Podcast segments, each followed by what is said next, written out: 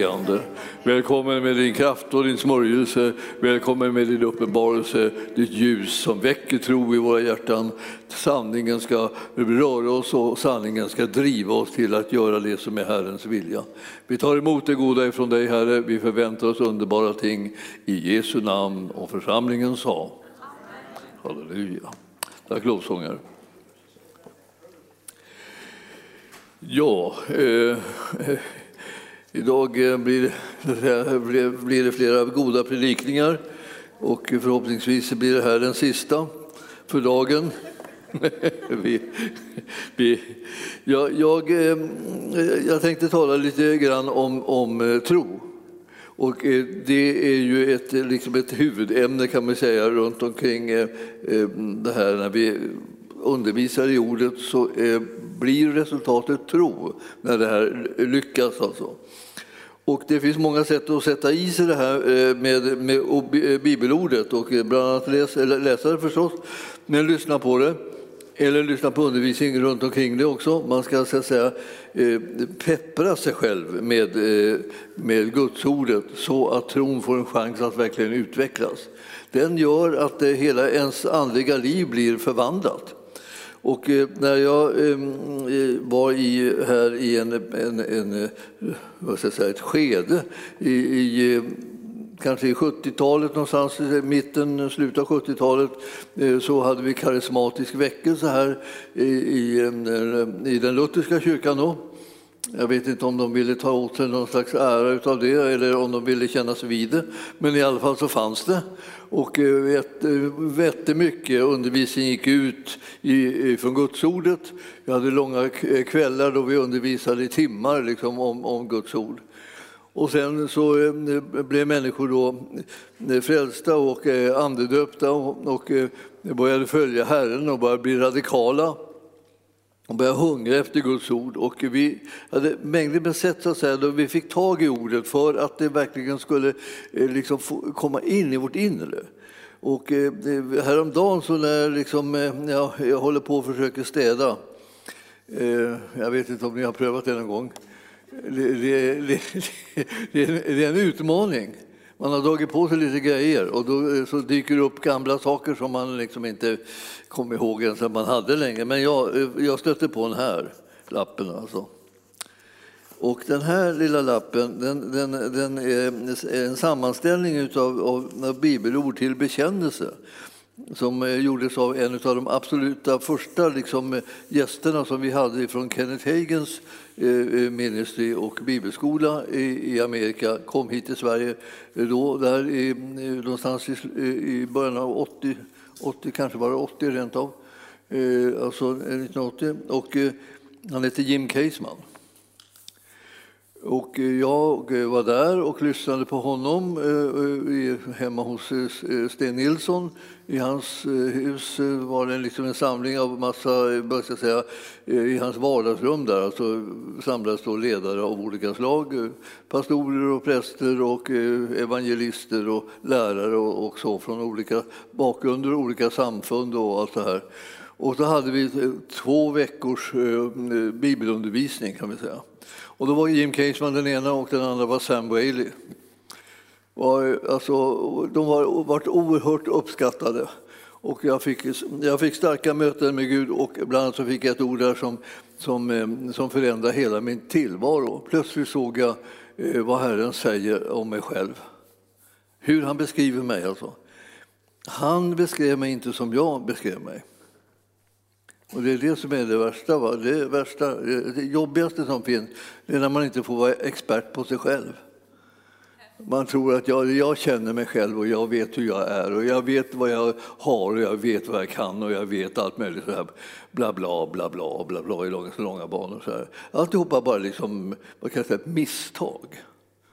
För att om du får höra vad Herren säger om det så kommer du bli chockad. Och det konstiga är ju det, du kommer bli, du kommer bli chockad därför att det är för, för bra. Alltså han säger saker om det som är för bra. Alltså, jag menar, det, det är ingen hejd på det. Måste ju säga åt honom, alltså, försöka hålla lite realistisk nu. Så där är inte jag, alltså, det där kan inte jag det, det och så, så, vidare. Man har en massa invändningar liksom, för det blir för bra. Men det, du, du ska, det, det finns en som talar sanning och en som gissar. Och det är du som gissar. Och, eh, och det är Gud som talar sanning. Så därför så, och den, här, den här bidrog till liksom det här, den här lilla, lilla, lilla bladet här. Och det här kallas för troshjälpen. För att det skulle vara liksom en hjälp för oss som eh, behöver tro. Eh, tro på det som Gud säger om oss själva, om vårt liv, om vår framtid, om vad vi ska göra och så här, vad Gud kan och förmår i, i vårt eget liv. Alltså. Sen när jag stötte på den här nu då, efter alla år tänkte jag så här, ja visst ja. Jag hade ju vänner som, som var så fanatiska där som de, tog, de, gjorde då, de utökade det här med en massa bibelställen som skulle bekänna sig till. Och en kille han hade klistrat alltså hela insidan av fram, framrutan på sin bil utom ett litet hål som han inte ville titta igenom när han körde. Och så när han körde då till, till jobbet och till kyrkan och så där så bekände han sig till alla möjliga olika bibelord här. Och, liksom, eh, och läste på rutan där då, medan han hade ett öga liksom på, liksom på trafiken. Det var rätt jobbigt att åka bil med honom. Man kan säga det, man, alla, alla vill sitta i baksätet det verkar som att, vad, vad, vad, kunde han se av det hela? Åh, han bekände så. Han var så brinnande så han kom liksom i anden där och, eh, och bekände de här bibelorden och vi andra vi liksom så här, håller, håller ögonen på vägen, håller ögonen på vägen. Ja. Eh, det här, alltså, man kan säga det, de här bibelställena betyder ofantligt mycket liksom att vi fick tag i dem och de blir levande för oss i vårt inre. Och när, allt eftersom vi började märka liksom att det här verkade och fungerade så blev det som att hela livet blev annorlunda. Vi började räkna med Gud och hans beskrivning av tillvaron. Vi började räkna med att han, det han säger att jag är, det är jag. Och alltså, allt det som han säger att jag kan göra, det kan jag göra. Liksom. Det, det, inte, liksom, det var inte så här att jag behövde känna efter, utan jag behövde lita på att han talar sanning. Ni förstår att när, när det börjar bli så där, en förskjutning i ditt och mitt liv, att vi litar mera på honom än vi litar på oss själva, eh, så, så börjar det kunna hända eh, saker. Det exploderar helt enkelt. Alltså man, blir, man, blir inte, man blir inte som vanlig människa, liksom. man blir liksom eh, något radikal.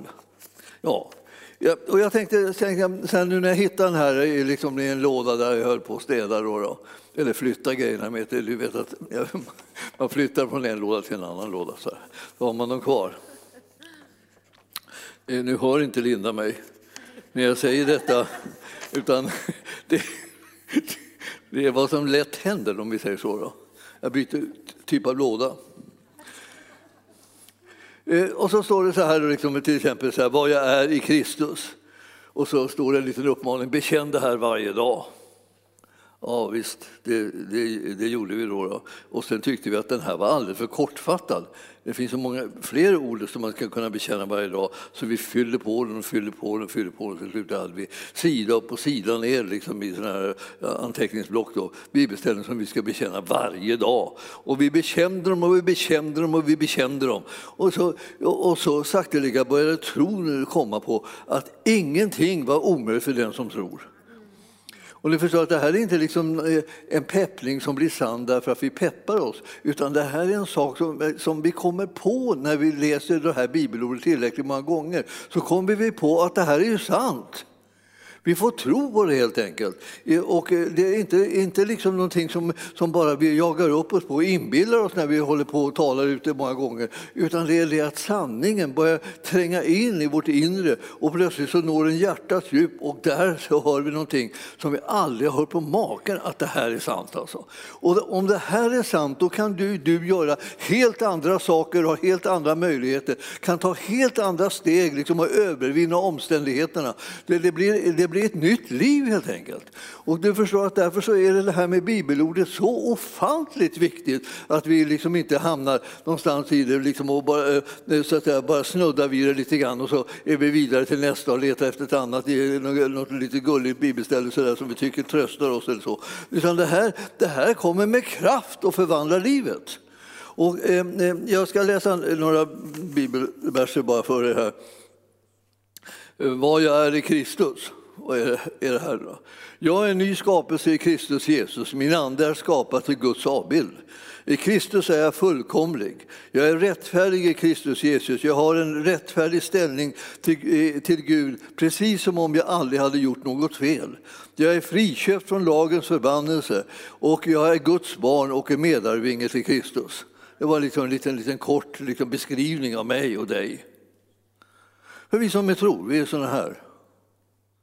Jag tänker, jag har aldrig hört på maken. Liksom, tänker man så Jo, det ska du behöva göra och därför så behöver du bekänna dem dag ut och dag in. Du behöver bekänna så mycket så att du slutar upp och tänka dina egna tankar. Jag tänker, eh, hurdan är Gud? Jag, så, jag såg någonstans i något tv-program så här, var, så var det någon som tyckte någonting om Gud. Alltså klämde ur sig någonting, någon åsikt om Gud. Och jag tänkte, hur, hur, hur, rasande fel kan man inte komma när man ska liksom bara sätta igång och tycka någonting om Gud? Han är inte öppen för att du tycker någonting om honom, utan han är öppen för att informera dig om hurdan han är. Det kommer inte från dig, det kommer från honom. Det är han som vet hurdan han är, inte du, inte än. Men, men om du tittar i bibelordet så kommer du snart få tag i det där, hurdan han är. Kommer du på hurdan han är, så kommer du på hurdan du är. Sådan han är, sådan är också du i den här världen. Känner ni igen det? Alltså, du förstår, det här är inga småsaker. Man, man, man, man, man, blir, man skakar till så småningom i sitt innersta när man märker vad är det han säger. Är han alldeles, är han alldeles är han, är han omöjligt? Det kan inte vara tillåtet att säga sådana där saker om oss när vi vet att vi är så begränsade och har alla de här problemen, alla, alla de här svårigheterna, alla, alla de här konstigheterna för oss. Vi känner ju till det liksom. Och vi känner till mycket mer än vi någonsin har sagt till någon annan om hurdana vi är. Och så kommer han och säger något helt annat. Och jag, jag ska säga, det, det här är, det är viktigt med, med tron. Om du tittar i elfte kapitlet där i Hebreerbrevet, första, första versen, det är ju sån här, sån här standardvers om vi säger så. Vad är tron för någonting? Jo, tron är en övertygelse om det som man hoppas, en visshet om det som man inte ser. Så är det. Det stod inte ett dugg om vad du liksom, att tron är liksom, är liksom en övertygelse om det som du känner. Eller något sånt. Det finns inte, andas inte det någonstans. Alltså. Ja, eller vad du tycker. Det är, du är övertygad om vad du tycker, det är tro. Nej, då, det är inte alls det. Det är inte tro ett dugg. Det är bara liksom misstag kan man säga. Då. Och tro är liksom att, att du märker vilka omständigheterna är i ditt liv och, och, och eh, tänker, tänker att, att jag kommer aldrig klara det. Det är inte heller tro, det är otro. Om du undrar vad det var för någonting som kom din väg plötsligt och nosade på dig lite grann och ville föreslå att du skulle tycka liksom det, som omständigheterna talar. Ja, det vart otro av det. Det förstår, vi har en Gud som är, som är villig och, och kapabel att göra under. Och han väntar på att vi ska tro honom om det, så att de under som han redan har gjort, de kommer han att ge till oss. Eh, eh, ja, alltså, det här, Eh, vi kan ta, titta på här. Eh, nästa är eh, var jag är i Kristus. Var, alltså var är du? Du kanske tänker att du vet var du är också. Han är i himlen. Men det är inte hela sanningen om honom, han är här också. Ja, och så är han i Kristus. Alltså här, jag, eh, står det här, har blivit räddad ut ur Satans rike och är nu i Guds älskade Sons rike. Jag är en del av Kristi kropp och Satan har ingen makt över mig. Jag har blivit satt med Kristus i den himmelska världen. Du var inne på det här. Och så ska vi vända på bladet, ska vi se om det inte var något mera. Jo, det var det. Jag har blivit satt med Kristus på Guds högra sida i himlen, högt över alla härskare, makter och krafter och herravälden och allt är lagt under mina fötter. Grattis! Ja. Ni förstår att det här, det här är, det här är liksom eh, lite grann beskrivningar som, som, som inte kör med till vardags. Det kan ju tänkas nästan att det här bara som någon gång så här, vid något högtidligt tillfälle så läser vi det här eh, utan tro. Och, och, vi tänker så här, det här är ändå som överdrift, så här känner inte jag mig. Nej, men det är ju inte det vi pratar om heller, hur du känner dig. Vi pratar om hur det är. Man kan, bli, man kan bli häpen och nästan lite matt på det här. Att det skulle kunna vara sant, att det är på ett annat sätt än det, det du och jag känner. Men det är det som vi måste få tag i. Det är som Herren säger i sitt ord. Alltså, och han har sådana beskrivningar av oss som man, man hissnar. Alltså. Och det här var liksom bara liksom lite småsaker. Alltså, jag, jag, ska inte läsa allt det här, för då blir ni alldeles för glada och så kommer jag inte kunna nå er med min, predik med min predikan. Liksom. Ni, hör, ni lyssnar inte längre på det. Oh, det är liksom i himlen. Men alltså, vad jag äger i Kristus finns det lite bibelställen vad jag kan göra i Kristus. För um, olika saker som leder till vederkvickelse och styrka. För ekonomiska materiella behov finns det bekännelser liksom, omkring den här sanningen. Och sen ledning till visdom. Det, det behöver vi nästan alla allihopa. Och om du har fruktan och oro så här så finns det en massa bibelställen som säger sluta med det, det finns ingen anledning. För Herren har liksom allting i sin hand och han har allting under kontroll och han har gett till dig en utväg och en lösning. Så lyssna på vad han säger istället för att sitta bara känna efter. Det har aldrig varit någon framgångsrik väg att gå på.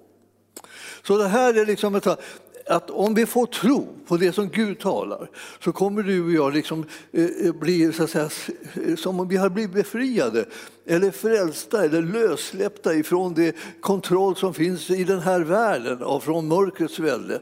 Att hålla på att kontrollera oss och styra oss och plåga oss med sina tankar och omständigheter och situationer och, och känslor hit och dit liksom som, som inte alls är det som eh, dominerar och som är den stora verkligheten. Verkligheten själv är Kristus Jesus står det. Och det, om, du, om du går till Kolosserbrevet och tittar där. Eh, jag tror att det var eh, första, första kapitlet. Då. Eh,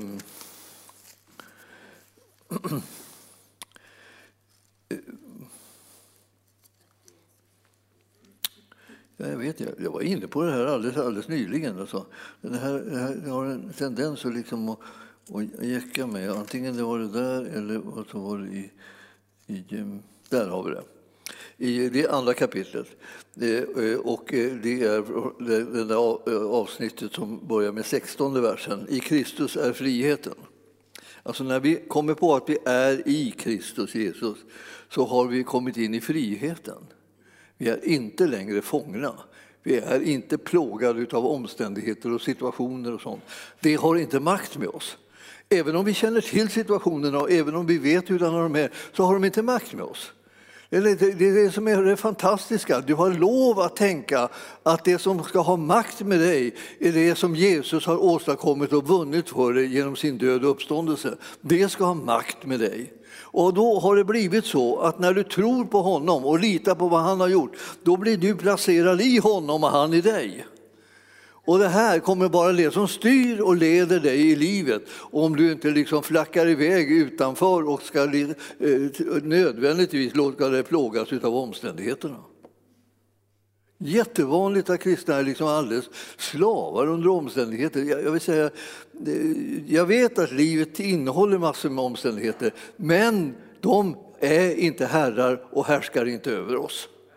Alltså det är det som är budskapet till oss. Utan vem som härskar är, det är den ande som har tagit sin boning i dig. Det är Guds ande som har, eh, som har den ledande och så att säga, vägledande funktionen i ditt och mitt liv. Om vi känner till det så, så, så blir vi alltså fria ifrån omständigheternas alla signaler. De, de kommer inte att styra oss, utan det som kommer att styra oss är han som har tagit sin boning i oss och vi är en helig andes tempel. Ni förstår att det här gör att eh, livet blir väldigt annorlunda. Men jag ska ta och eh, läsa det där bibelstället som, jag, som, jag, som, eh, som ändrade mitt liv då i början där på 80-talet. Alltså, eh, den karismatiska väckelsen var härlig för vi njöt allihopa av den och vi tyckte det var underbart att sjunga lovsånger och prisa Gud. Och, och, och eh, vi, det kändes så bra och det var så harmoniskt. Men eh, när vi eh, så småningom kom in i trosrörelsen blev det ju liksom på något sätt lite mera, eh, ja det blev lite annorlunda kan man säga. Eh, och eh, jag, ska tänka, jag tänkte jag skulle se om jag hittar det där. Ni förstår att när man sitter där liksom, och intet ont anande. Alltså jag var ju en liten, en liten eh, präst där och visserligen var jag karismatisk präst men jag var ju väldigt eh, ändå Ehm, vad ska jag säga, rumsren får man säga, ehm, och, eh, och skötsam. Tyckte jag själv då i alla fall.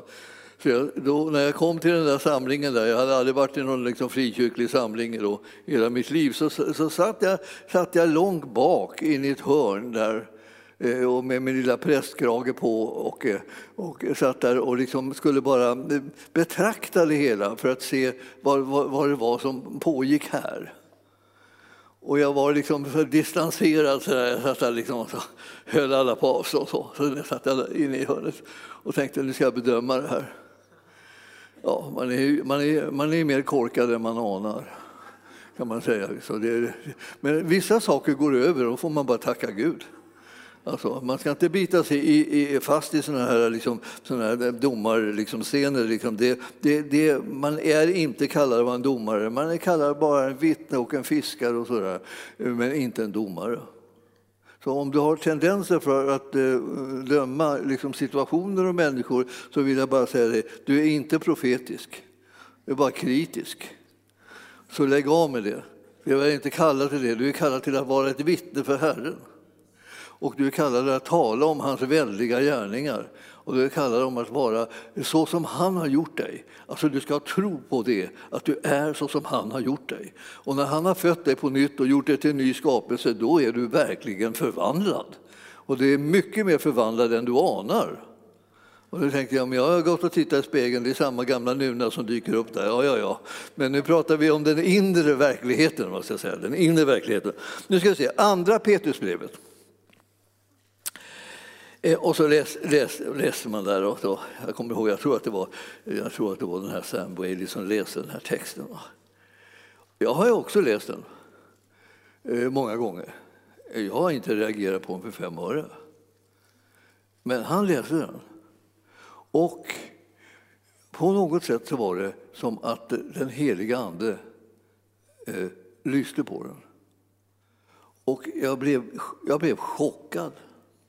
Alltså, ni förstår att I grund och botten så var jag ju en luthersk präst eh, som eh, aldrig var riktigt säker på frälsningen och som alltid tänkte att jag var både rättfärdig och syndare på en gång. Så fort jag tänkte att jag var, att jag var en rättfärdig man så måste jag påminna mig, men jag är en syndare också. Jag är visserligen rättfärdig, men jag, jag, är, jag är en syndare, liksom frälst av nåd. sa man. Alltså det var en sån där nåd som inte funkade då. Alltså man, så när man hade blivit frälst av nåd så var man ändå en syndare. Det var ju lyckat. Man, man tänkte ju egentligen att borde inte frälst av nåd resultera i att man inte längre var en syndare. Nej, det hade vi inte kommit på, utan vi körde med båda delarna. Så fort man kände sig frälst av nåd så blev man påmind om att man var en syndare. Och så fort man kände sig som en syndare så blev man påmind om att man var eh, frälst av nåd och var rättfärdig. Så där liksom var det gick, upp och ner, upp och ner, upp och ner. Och så satt jag där, där och hade den där inställningen och så står det plötsligt här. Till allt som hör till liv och gudsfruktan, alltså allt som hör till det hela det kristna livet, allting som man överhuvudtaget kan ägna sig åt eller ska ägna sig åt i det kristna livet. Ja, allt, allt sånt va, har hans gudomliga makt skänkt oss. Har skänkt, det, alltså det, det hette på vår tid eh, perfekt. Alltså perfektum, alltså. har skänkt, tempus. Alltså. Det betyder en fullbordad gärning i förfluten tid. Alltså någonting som redan är gjort och klart och, så vi, och det ligger i förflutna, det är, det är färdigt. Alltså så, han har skänkt oss det genom kunskapen om honom, genom att vi känner till honom och vad han har gjort. Va? Eh, och, och som har kallat oss genom sin härlighet och ära.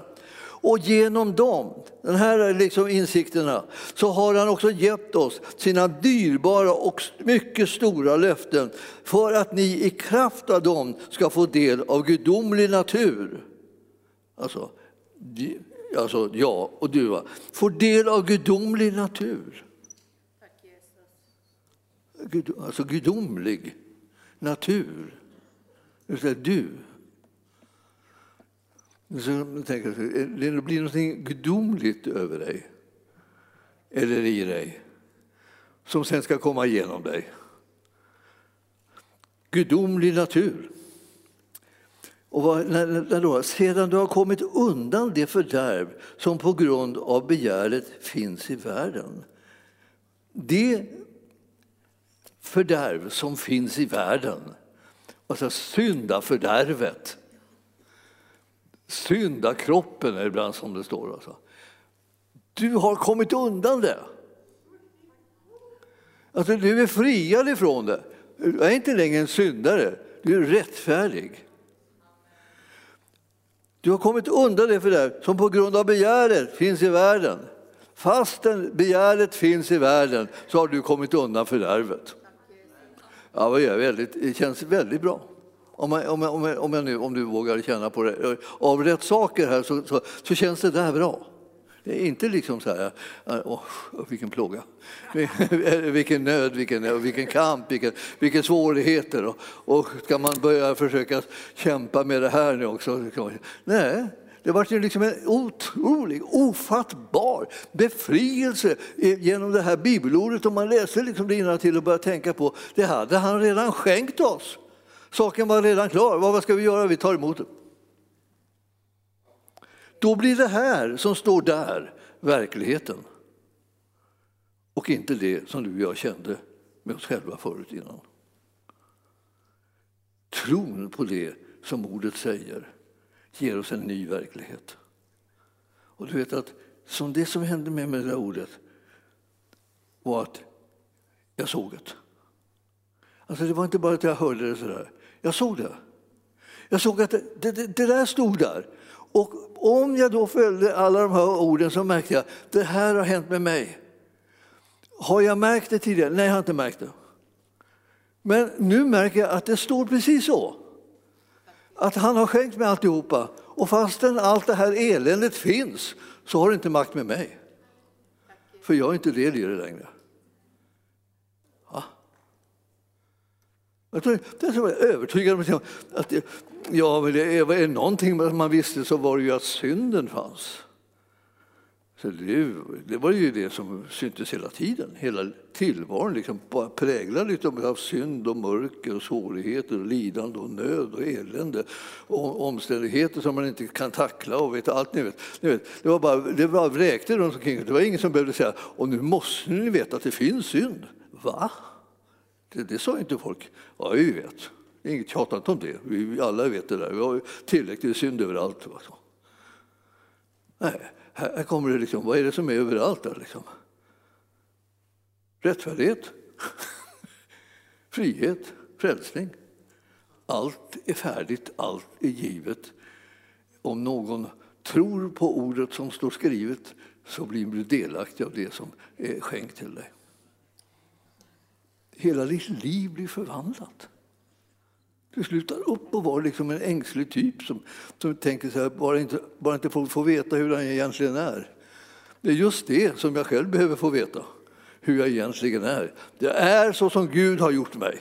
Det han har gjort mig till, det är jag. Och när jag tror på hans gärning genom Jesus Kristus, då är jag beskriven i det här bibelordet. Alltså. Jag blir delaktig i gudomlig natur. Jag som trodde att det liksom var kännetecknande för mig var själva syndanaturen. Det visar sig att det är den gudomliga naturen som, som är det som kännetecknar mig sedan jag tagit emot Jesus Kristus. Och så är det med dig också. Och när du börjar tycka att det bibelordet kanske är sant, då, när du börjar tänka så här, tänk om det är sant, tänk om det är så här bra som det står. Alltså, eh, bibelordet kan man ju läsa liksom och tycka att vad har det här med mig att göra? Det finns ju sådana där faser och tider i livet och man tycker man läser och läser, läser, läser. Vad har det med mig att göra? Jag vet inte vad det här har med mig att göra. Och sen plötsligt så, så, så, så trycker den heliga Ande på stoppknappen så, här, så bromsar, så, här, bromsar så fastnar du vid ett bibelord och tänker milletid, vad står det här egentligen? Och så visar det sig att det är det gladaste, bästa budskap som du någonsin hört i hela ditt liv. Det är det som står här. Här har du ju liksom läst igenom hur många gånger som helst utan att ha blivit det minsta glad om säger så. Och så plötsligt så, alltså, så kommer du inte vidare, därför där står det ju till allt som hör till liv och gudsfruktan har hans gudomliga makt skänkt oss genom kunskapen om honom.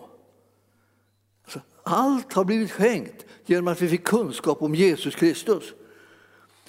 Som han, han har kallat oss genom sin härlighet och ära.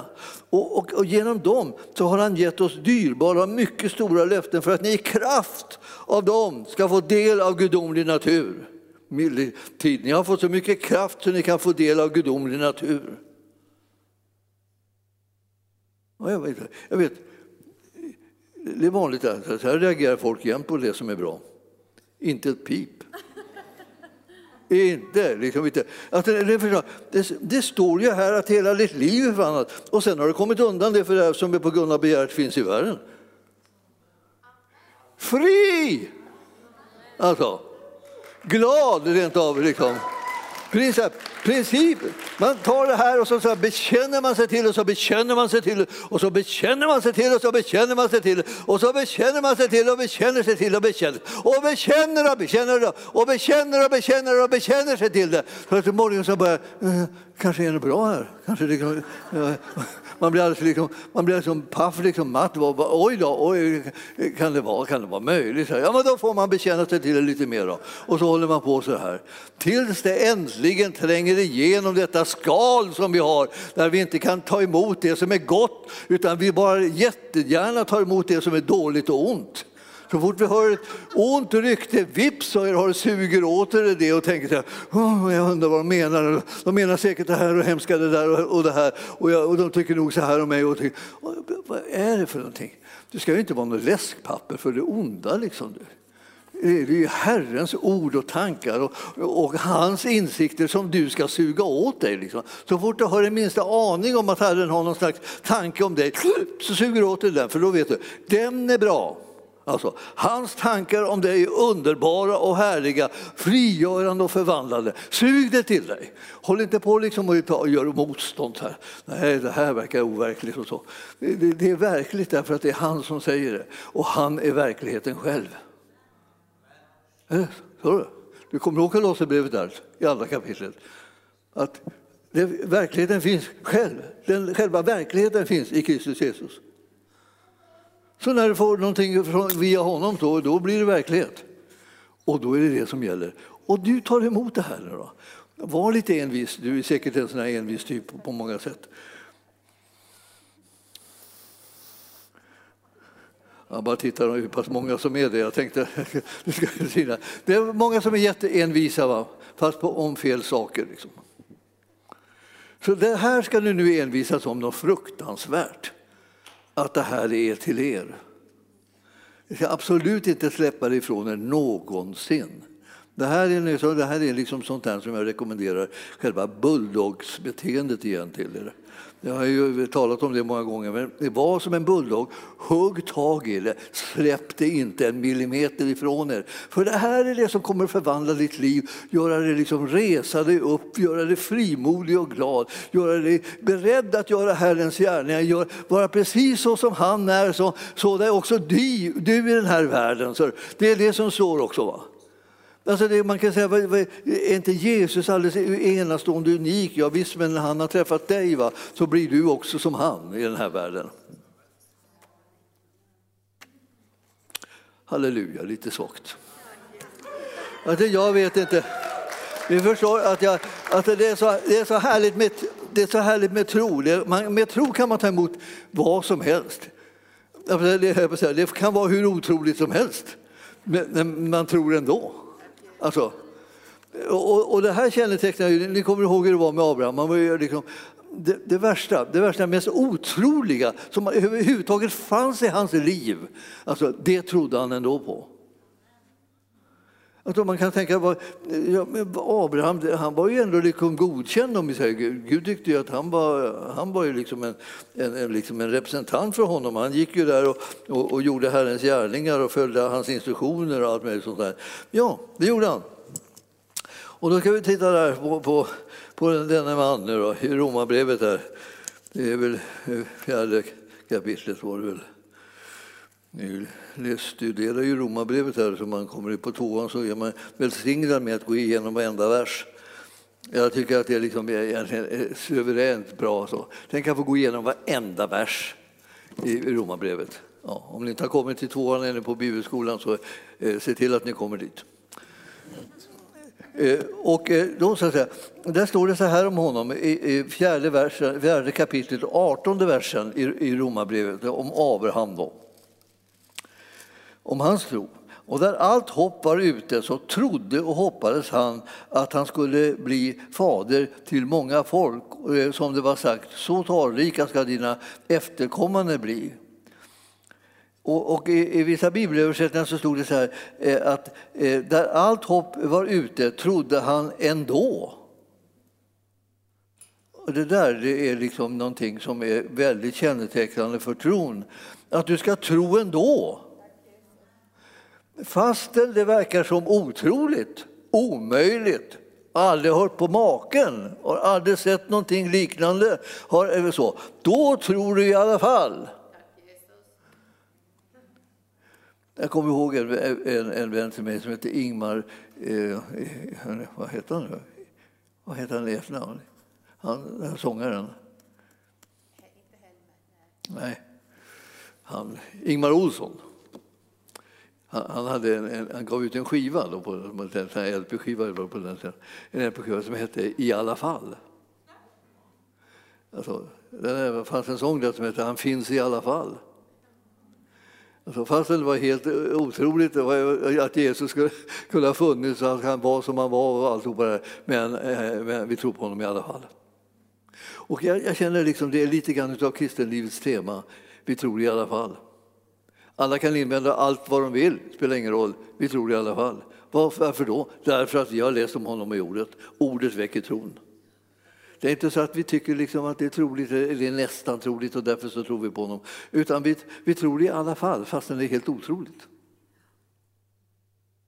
Så du ska inte vara missmodig om du, om du tycker att det verkar otroligt. Kom ihåg att det, det som väcker tro är bibelordet. Så tron kommer av predikan och predikan i kraft av Kristi ord. Så där, i alla fall. Vi tror i alla fall. Så det här, här nu, nu var det Abraham. Alltså. Alltså det, värsta som han, det värsta var nu att nu var allt hopp ute. Han kunde inte få några barn, inte Sara heller. Det var stopp och slut och allt var så. Det, det, allt hopp var ute så trodde och hoppades han att han skulle bli en fader till många folk. Ja.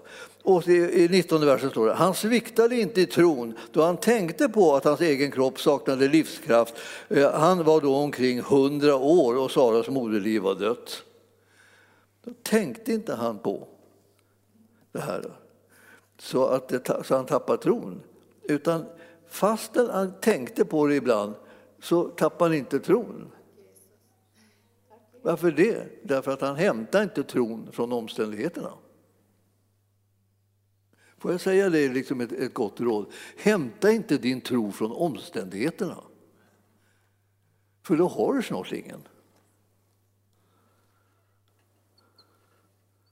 Ni fick ett jättebra råd nu. Märkte ni det? Jättebra var det. Hämta inte tron från omständigheterna.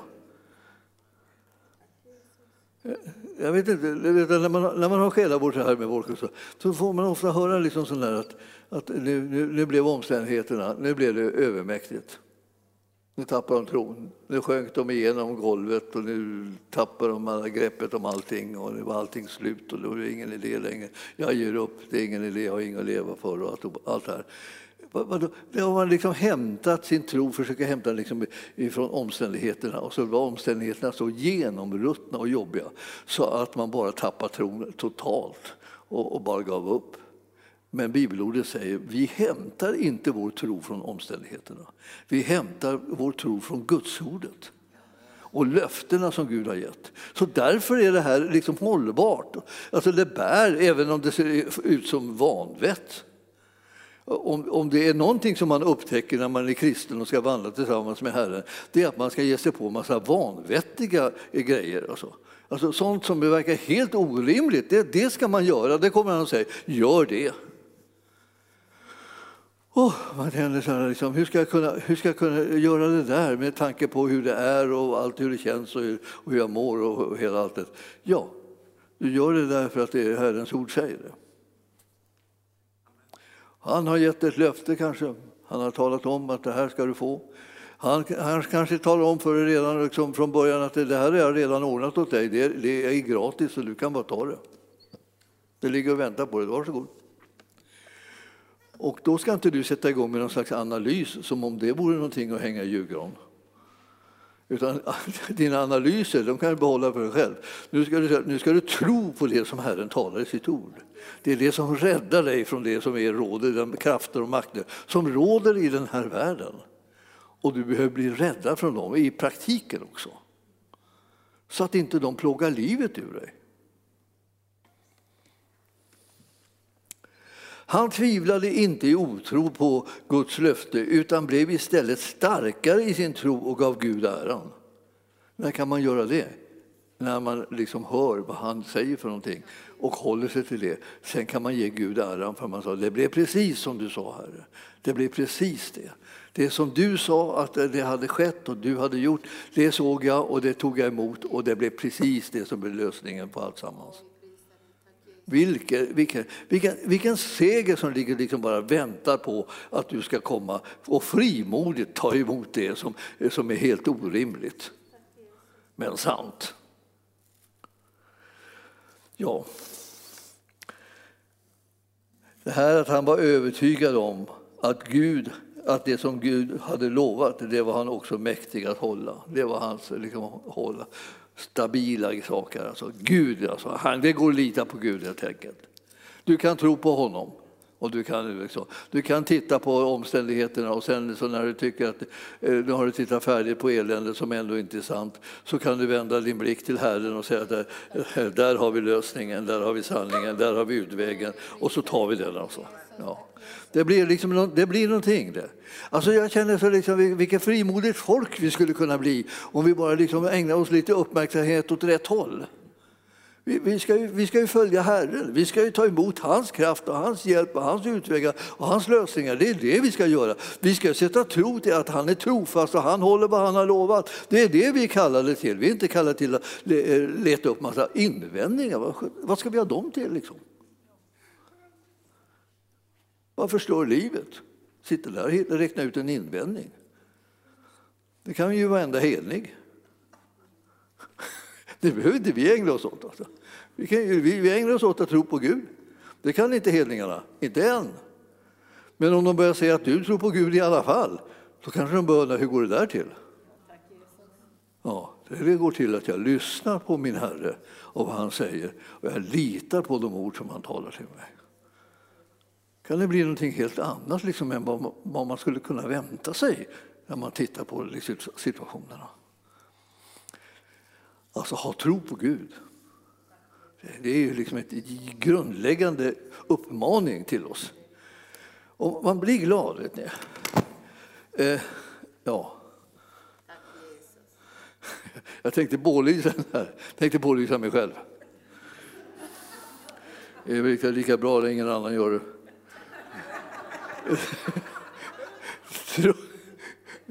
Det här är ett par CD-skivor. Tro, det är nyckeln till ett förvandlat liv. Är det det? Så att om du inte vill ha ett förvandlat liv så blir dig inte om att lyssna på den här. Men eh, för då, då, för det förstör allting för dig. Och det, för, den ena heter just så här, tro är nyckeln till förvandlat liv. Den andra heter eh, tro att du redan är godkänd. Du behöver inte grubbla och analysera det, utan, utan du behöver bara sätta tro till det. Han har gjort det, godkänd, det vill säga rättfärdiggjort dig, heter det på bibliskt språk. Rättfärdiggjort dig. Och sen satt Linda och jag och diskuterade lite, lite grann om en man här som, som, som har skrivit en bok. Ja, den, den hör till de här böckerna som är, är, som är mindre än mina böcker. Kortare liksom. Och det är den här. Jag vet inte om det är någon av er som har, är någon som har läst den här. Den heter Vart tog hoppet vägen? Du har läst den? Gratulerar. En, en hade läst den. Man ska säga, ja, du har också läst den? Ja, du kommer, kommer ihåg vad han... Nej, jag ska inte döma mig nu. Det var länge, det var länge sedan den här kom ut. Han, han heter Roy Hicks. Han var en av ledarna för en pingstsamfund i Amerika.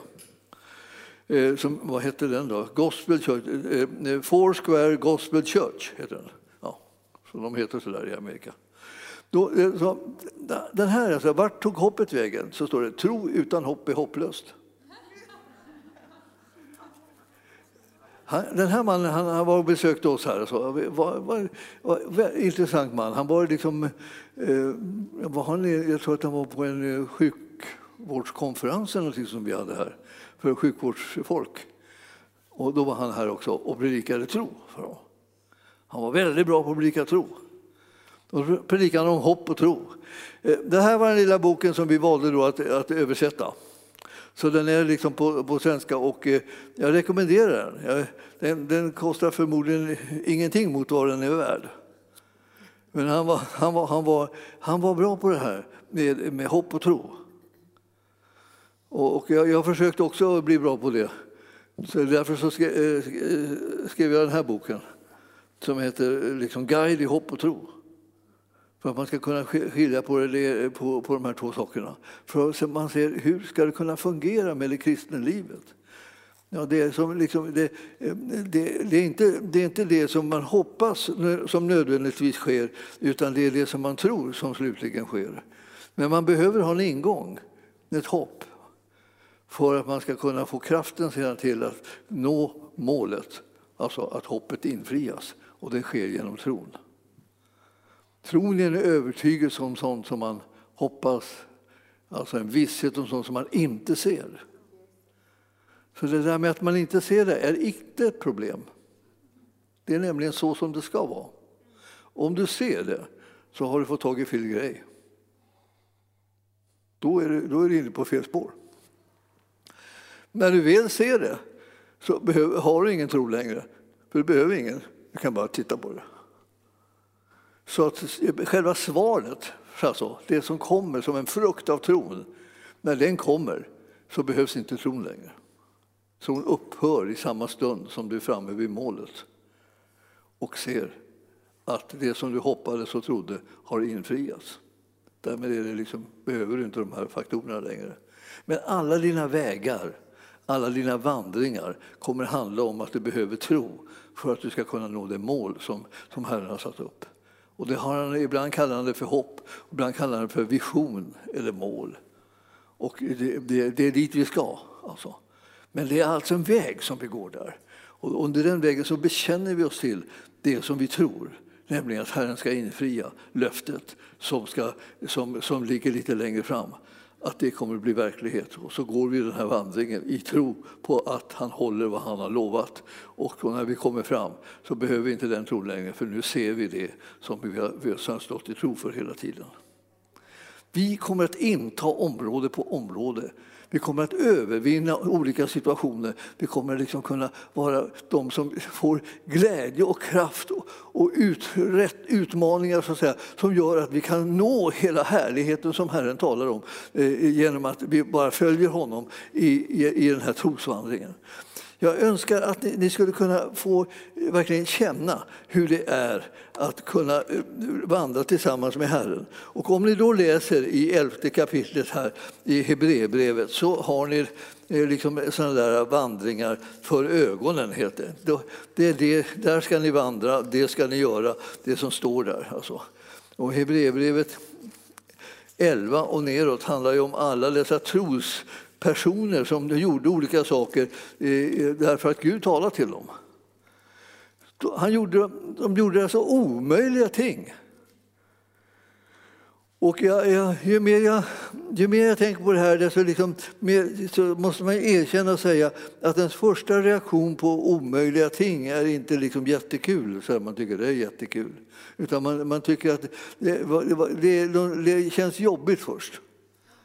Och, eh, men sen är det så här att det, det, spelar ingen roll då om det var jobbigt eller inte, för det har ingenting med den här verkligheten i det som Herren har lovat eh, att göra, utan det som han har lovat, det har han infriat så mycket så att det som behövs för att man ska få tag i det är tro.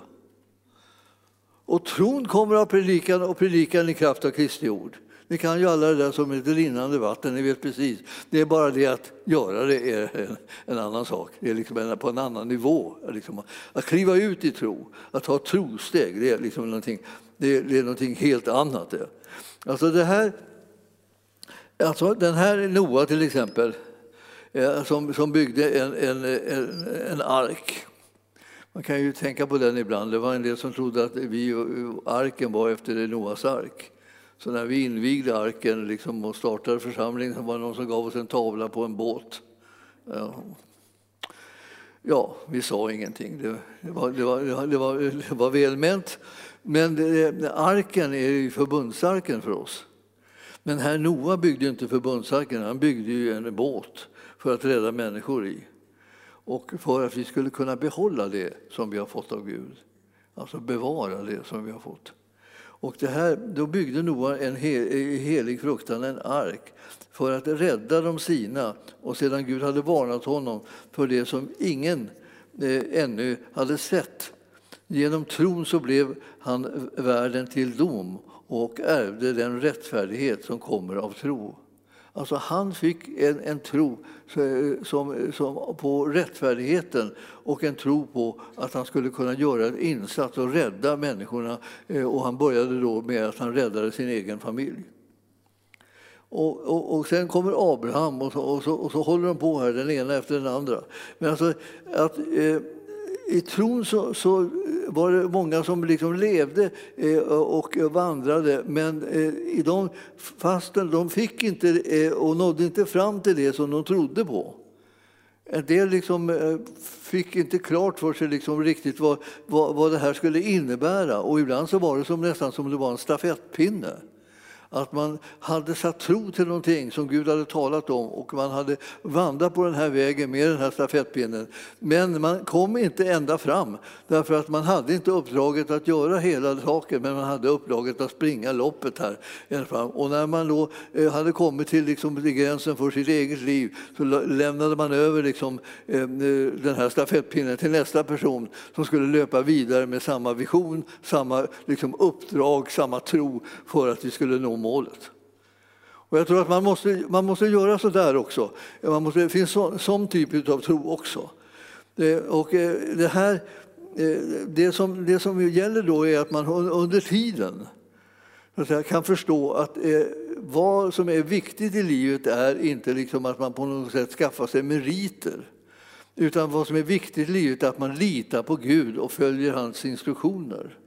Det vill säga det som han har lovat, det som han har sagt, allt det där, det ska du och jag hålla, oss, hålla vara trogna mot. Oavsett så att säga om vi i alla stycken på alla områden löper ända in i målet själva med den här, i den här tron och får det som är utlovat. Eller om det är så att vi löper en bra bit och så lägger vi en bit, liksom lägger vi eh, liksom stafettpinnen i nästa persons hand som springer vidare med det här och, eh, och så småningom så kommer det nog vara någon som springer den sista sträckan. Alltså. Och vad som händer då är, då vinner hela laget. Alltså. Och det är det som är liksom saken. Därför, det är därför som vi också i, liksom i församling, när vi har visioner, så står inte visionerna och, och, liksom, och faller med, med eh, liksom en, den som började, utan det står, liksom, ligger i hela församlingen som en, som en gåva, en utmaning, att springa och fullborda loppet. Och eh, det här, det här tycker jag, jag tycker det, eh, det är så intressant det här liksom, att, det, att det fanns så mycket folk som sprang här och som gjorde olika saker utan att de direkt liksom var, var de som tog sista sträckan. Men för oss ser det ut som att, det liksom, att man skulle kunna säga att Jesus sprang sista sträckan. Han, han, tog liksom den sträcka liksom som innebar liksom en fullbordan av alltsammans och han kom i mål. Och vad hände med de som kom efter? Ja, de, de satte tro till att de var delaktiga i den seger som han hade vunnit. Men kommer du ihåg det här vi, vi pratar om ibland att, att när man står där och ska springa sitt lopp så om då en domare kommer fram till en precis innan man ska sticka iväg och säger du vann så känns det ju naturligtvis på ett sätt eh, var kul, men samtidigt inte kul. Därför man har inte ens, man har inte ens sprungit. Va? Men om man visste att här, den här sträckan, jag skulle aldrig kunna vinna den själv. Utan jag kan bara vinna den om, om någon hjälper mig. Och han har redan vunnit den för mig. Så därför när han kommer och ger, ger, sin seger till mig så kan jag känna mig glad för jag visste att på något annat sätt skulle jag inte komma i, i land liksom, eller i mål. Eh, jag kommer ihåg när jag låg i militären, liksom låg jag skulle, så plötsligt fick de för sig att vi skulle gå ner och springa, springa på såna löparbanor, idrotts, eh, runt här. Och det var vad det var, 400 meter någonting, så sprang man runt i det här så var det 400 meter. Och jag hade ju inte varit med på några idrottsliga eh, grejer på åratal. Så jag ägnade mig inte åt, eh, åt någonting sånt. Då. Så, nej, jag var så otränad så att jag var så otränad så att det var inte klokt. Och eh, så skulle jag springa där, alla skulle springa dem och jag sprang där. Jag sprang liksom så jag fick liksom krupp eller, eller, eller vad som... Jag, fick, jag, jag, jag jag kunde knappt andas och, och, liksom, och, eh, och alla sprang liksom ifrån mig. Va? Till slut jag tänkte så här, det här ser inte bra ut. Tänkte jag. Det är strunt samma liksom hur jag känner för jag känner mig döende nästan, nästan så. Och det är strunt samma hur jag känner mig. Jag kan, inte, jag kan inte komma sist, tänkte jag. Och, jag, och, så tittar jag på den ungefär som vargar tittar på, på såna här stora jordar med gnuer eller någonting sånt. Man tittar efter någon eh, som är ganska svag då, som vinglar omkring. Och så tänker jag den där kan jag, den där kan jag ta åtminstone så slipper jag komma sist. Jag såg en kille där, han var, han var helt slut och han också. Och, och han låg inte så mycket före mig. Jag tänkte jag, jag tar honom åtminstone. Så jag bet ihop och så sprang jag så jag nästan sprack. Liksom. Och mycket riktigt, alltså, han knäcktes precis på upploppet och, och jag slapp bli sist. Och så tänkte jag, fy, det ska jag aldrig göra om. Alltså vad höll jag på med? Liksom? Jag, jag höll egentligen på med någonting som jag inte alls hade någon riktig förutsättningar för. Eh, min uppgift var någon helt annat än att hålla på och springa i kapp med någon runt på en runt, runt så här. Eh, jag vet inte varför det skulle kunna vara någons uppgift, men, eh, men i alla fall, en del tog ju det ut bort. Men det här var min sista insats på det här området. Jag kom inte sist och, och nu vet ni det allihopa. Det, jag, jag, jag, har, jag har liksom inte skämt ut mig totalt, men det var nära. Och egentligen var det väl liksom att jag skämde ut mig på något sätt ändå med, med det där. Det var, det, var, det, var, det var en dålig insats på något vis. Men man kan säga det att eh, jag hade liksom varit välkomnat om någon hade kommit och sagt så här, du, innan du springer nu så kom ihåg nu att du har redan vunnit.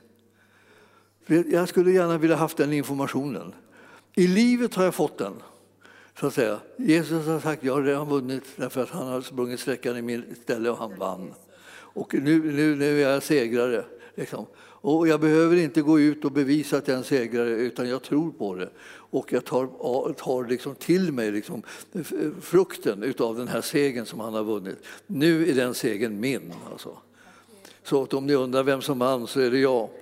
Och, och, och, och, om ni undrar liksom själva liksom så utifrån ert perspektiv så, så om ni lyssnar så kommer han gå och säga till er att ni vann. Så det är liksom, vi, vi, egentligen är vi liksom en oerhört skara här av vinnare. Och det, det, det, är inte den samlade liksom, åsikten om våra prestationer utan det är en information om hans gärning som gör det. Vad skönt att de slipper, man slipper liksom försöka visa hur, hur, bra man är på det, på det utan man, man bara tar emot det som av ren nåd. Och så är man en segrare. Allihopa.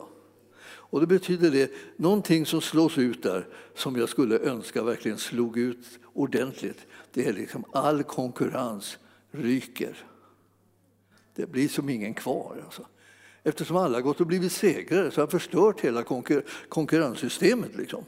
Det här, alltså, att vi håller på liksom att konkurrera med varandra och bräckt varandra. Håller på. Alltså, det är fullkomligt borta, det har ingen betydelse längre, det är bara, det är bara väck. Så här är vi sida vid sida, likvärdiga och ska tjäna Herren tillsammans. Och det spelar ingen roll var eller i vilken funktion eller så där. Det spelar ingen roll. Därför att eh, vi är lika mycket värda eh, hur vi än gör var vi än står eller var vi än går och vilka uppgifter vi än har. Så är vi lika mycket värda. Det är Guds rike. Så genom att tron får vara en verklighet och vi tar emot saker i tro så kommer vi att kunna liksom bli fria från den konkurrens och det bök som vi håller på med annars med varandra. När vi inte har någon tro och försöker bara göra, liksom, göra bättre än andra, vilket inte är vår kallelse. Vår kallelse är att tro på vår Herre och göra hans övernaturliga gärningar. Därför att de är redan klara, alltsammans är redan fullbordat och du kan gå in i förutberedda gärningar för dig. Du känner igen det? Man hittar där bibelställen så tänker man så här, förberedda gärningar. De är klara alltså. Ja. Tro är vad vi behöver för att vi ska kunna bli fria från dum konkurrens mellan oss själva och så kunna bli beredda på att göra Herrens vilja i hans kropp. Vi har inte något annat uppdrag än att hålla på med det, göra det som han vill. För vi själva har redan, liksom, tack vare honom, eh, nått vår fullbordan. Fy vad det här är bra. fy, fy, lite fy Men det är, liksom, det, det är Guds verk. Va? Och därför så blir det när man läser då i det här andra Petrus brev så märker man ju liksom att oj, oj, oj, alltså han, har, han har förändrat hela situationen. Det är ju enastående härligt. Vilken, vilken Herre vi har alltså. Allt alltså som hör till liv och gudsfruktan har hans gudomliga makt skänkt oss. Det var precis det som jag pratade om. Alltså, alltså vi hade alltihopa redan. Det hade, det hade blivit skänkt till oss. Alltså, och eh, det hade skett då, då genom kunskapen om honom. Så om du och jag inte får kunskap om honom så kommer du och jag inte tro att det här är skänkt oss. Och då kommer vi leva liksom, och, eh, i en överansträngd situation livet igenom och alltid tänka på liksom, hur, är du tillräckligt bra, är du tillräckligt duktig, klarar du de här sakerna bättre än andra, är de andra bättre än du? Och så här, och hela det där. Allt det här är helt liksom bara plågsamt. Och Herren har sagt att vi behöver inte det, för vi, vi, har, vi har fått det liksom, genom kunskapen om honom så vet vi att det är skänkt till oss. Och sen alltså, genom hans Eh, genom dem, så, de här gåvorna som har blivit så skänkt, så har han gett oss sina dyrbara, mycket stora löften för att ni i kraft av dem ska få del av gudomlig natur. Alltså, de här löftena som Herren ger, alla löften som ni hör Herren ge, de har fått sitt ja och sitt amen i Jesus Kristus. Genom dem alltså har blivit delaktiga av gudomlig natur, allihopa. Gudomlig natur sitter vi inne med. Förstår ni det här är Bibeln? Alltså när, jag, där, när, jag, när jag läste Bibeln när jag var präst, alltså jag, jag, jag såg aldrig några sådana här bibelställen. Jag kunde inte se dem. De var helt enkelt osynliga. Och de, det var aldrig så att de ingick bland predikotexterna, så att det var det jag skulle predika över. Utan jag skulle aldrig predika över dem. Jag skulle, jag skulle läsa dem när jag sträckläste Bibeln, så här, då, då, måste jag läsa dem. Men jag har aldrig märkt vad där stod. Förstår du vad, liksom, vilka långa perioder vi kan gå och läsa saker och ting och vi förstår aldrig vad det står där. Och, det, och därför är det inte bortkastat att man kommer samman och hör eh, ordet predikas och förkunnas för att det ska väcka tro. För det behövs den hjälpen och det är därför som Gud i församlingarna har satt eh, olika tjänster för att de ska vara till hjälp för församlingen och göra de heliga skickliga att utföra sin tjänst. Det är inte att de betyder mer utan de har en speciell funktion. Och så är det med dig också. Du betyder inte mer än någon annan men du har en speciell funktion och därför är du viktig. Så att det här är liksom eh, underbart alltså, att få del av gudomlig natur. Det får vi allihopa, fast vi har nytta av det på olika områden. Och så har vi kommit undan det fördärv som på grund av begäret finns i världen. Världens de destruktiva krafter har inte makten med oss längre. Vi är befriade. Tack himmelske Fader för ditt ord. Vi ber att du ska låta det eh, väckas tro i våra hjärtan så att vi verkligen får tag i allt det underbara som du har vunnit för oss och har skänkt oss. Tack Herre för att vi, allt som leder till liv och gudsfruktan har du gjort det för oss. Allt har du givit och allt har, som begränsar oss och skadar oss och, och, och förstör vårt liv, det har du befriat oss ifrån. Och du har gjort oss delaktiga av gudomlig natur och du har löst oss från det fördärv som råder i den här världen. Och vi vill bara säga Tack, tack Jesus, tack Jesus, tack Jesus för att du har vunnit den underbara segern. Tack att vi är fria från allt det som du försöker hindra och begränsa oss och göra oss till ingenting när vi, du har gjort oss till någonting alldeles enastående, gudomligt och härligt. Och vi vill prisa dig för att och vi tar emot med öppna famn och öppna hjärtan din underbara seger för vår räkning. I Jesu namn och församlingen sa Halleluja, amen. Tack Jesus.